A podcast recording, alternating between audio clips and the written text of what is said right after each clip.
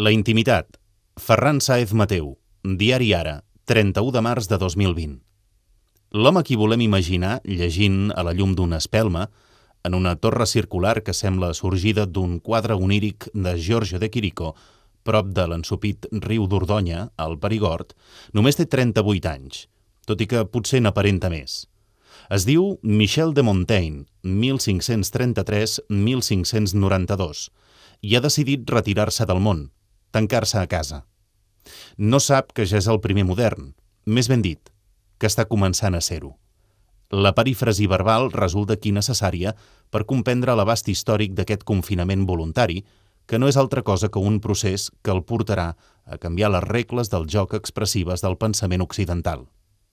Com succeeix amb els arbres borrosos que veiem des d'un tren en marxa, el moviment, un procés sempre és una modalitat de moviment, dificulta i alhora amplia la nostra percepció de la realitat.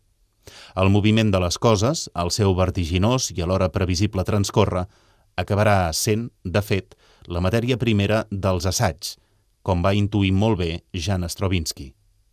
Tot i que reclosos a les nostres respectives cases, aquests dies de març estem presenciant i d'alguna manera també protagonitzant un canvi que podria arribar a ser molt profund.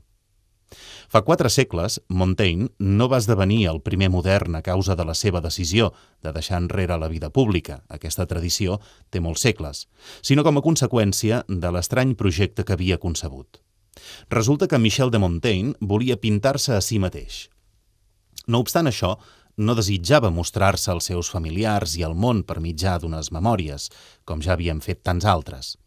Tampoc pretenia fer aflorar els seus sentiments més profuns i personals amb uns sonets, com va fer una generació després l'inclassificable i gairebé oblidat poeta Teòfil de Vió. No, el que pretenia Montaigne era una altra cosa. Si jo hagués estat en aquestes nacions, les de l'Amèrica acabada de descobrir, de les que es diu que viuen encara en la dolça llibertat de les primeres lleis de la natura, t'asseguro, lector, que m'hauria pintat completament nu escriu Montaigne a la seva dedicatòria dels assaigs signada l'1 de març de 1580. El confinament massiu a nivell mundial derivat de la pandèmia del coronavirus tindrà sens dubte conseqüències. Unes són òbvies, mentre que les altres eh, potser passen ara desapercebudes.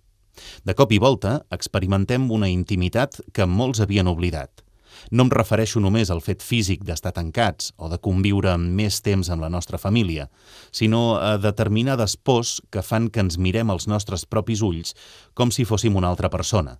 La persona que es pot quedar a l'atur, la que pot perdre familiars d'una certa edat, la que fins i tot pot morir. A la barra d'un bar, amb una cerveseta i una conversa animada, els pensaments d'aquesta mena solen difuminar-se. Si fem vida social és justament per aquest motiu. És significatiu que el terme intimitat derivi d'un superlatiu. En efecte, el terme llatí intimus és el superlatiu d'intus, que vol dir dins, dins de, a l'interior de, intus domus, dins de casa, és a dir, al seu interior. Etimològicament, l'íntim és el que està molt endins, o fins i tot el que està més endins que qualsevol altra cosa. Més enllà d'allò que és íntim, és a dir, allò que està més a l'interior, ja no hi ha res, com a molt, el silenci o la mort. En aquest sentit, el terme fa referència a la interioritat extrema, dibuixa un límit més o menys inquietant. La noció d'intimitat fa confluir foscament i vertiginosament coses tan diverses com el sexe i l'espiritualitat, la defecació i la lírica, la pau interior i la bogeria, el misticisme més abrandat i la quotidiana o potser anodina vida familiar. Tots aquests conceptes desemboquen en una mateixa paraula. Parlem de roba íntima o de relacions íntimes o d'espais d'intimitat. Només passem la balda per fer de ventre o per copular. A diferència de Montaigne, la vida reclosa que portem ara no és el resultat d'una decisió voluntària. Tot i així, algunes de les conseqüències del confinament són potser les mateixes. Fins i tot quan tenim la il·lusió d'escapar de casa, és a dir, quan ens connectem virtualment a través del Meet o altres aplicacions amb els amics, companys de feina, veiem el nostre propi rostre de la pantalla.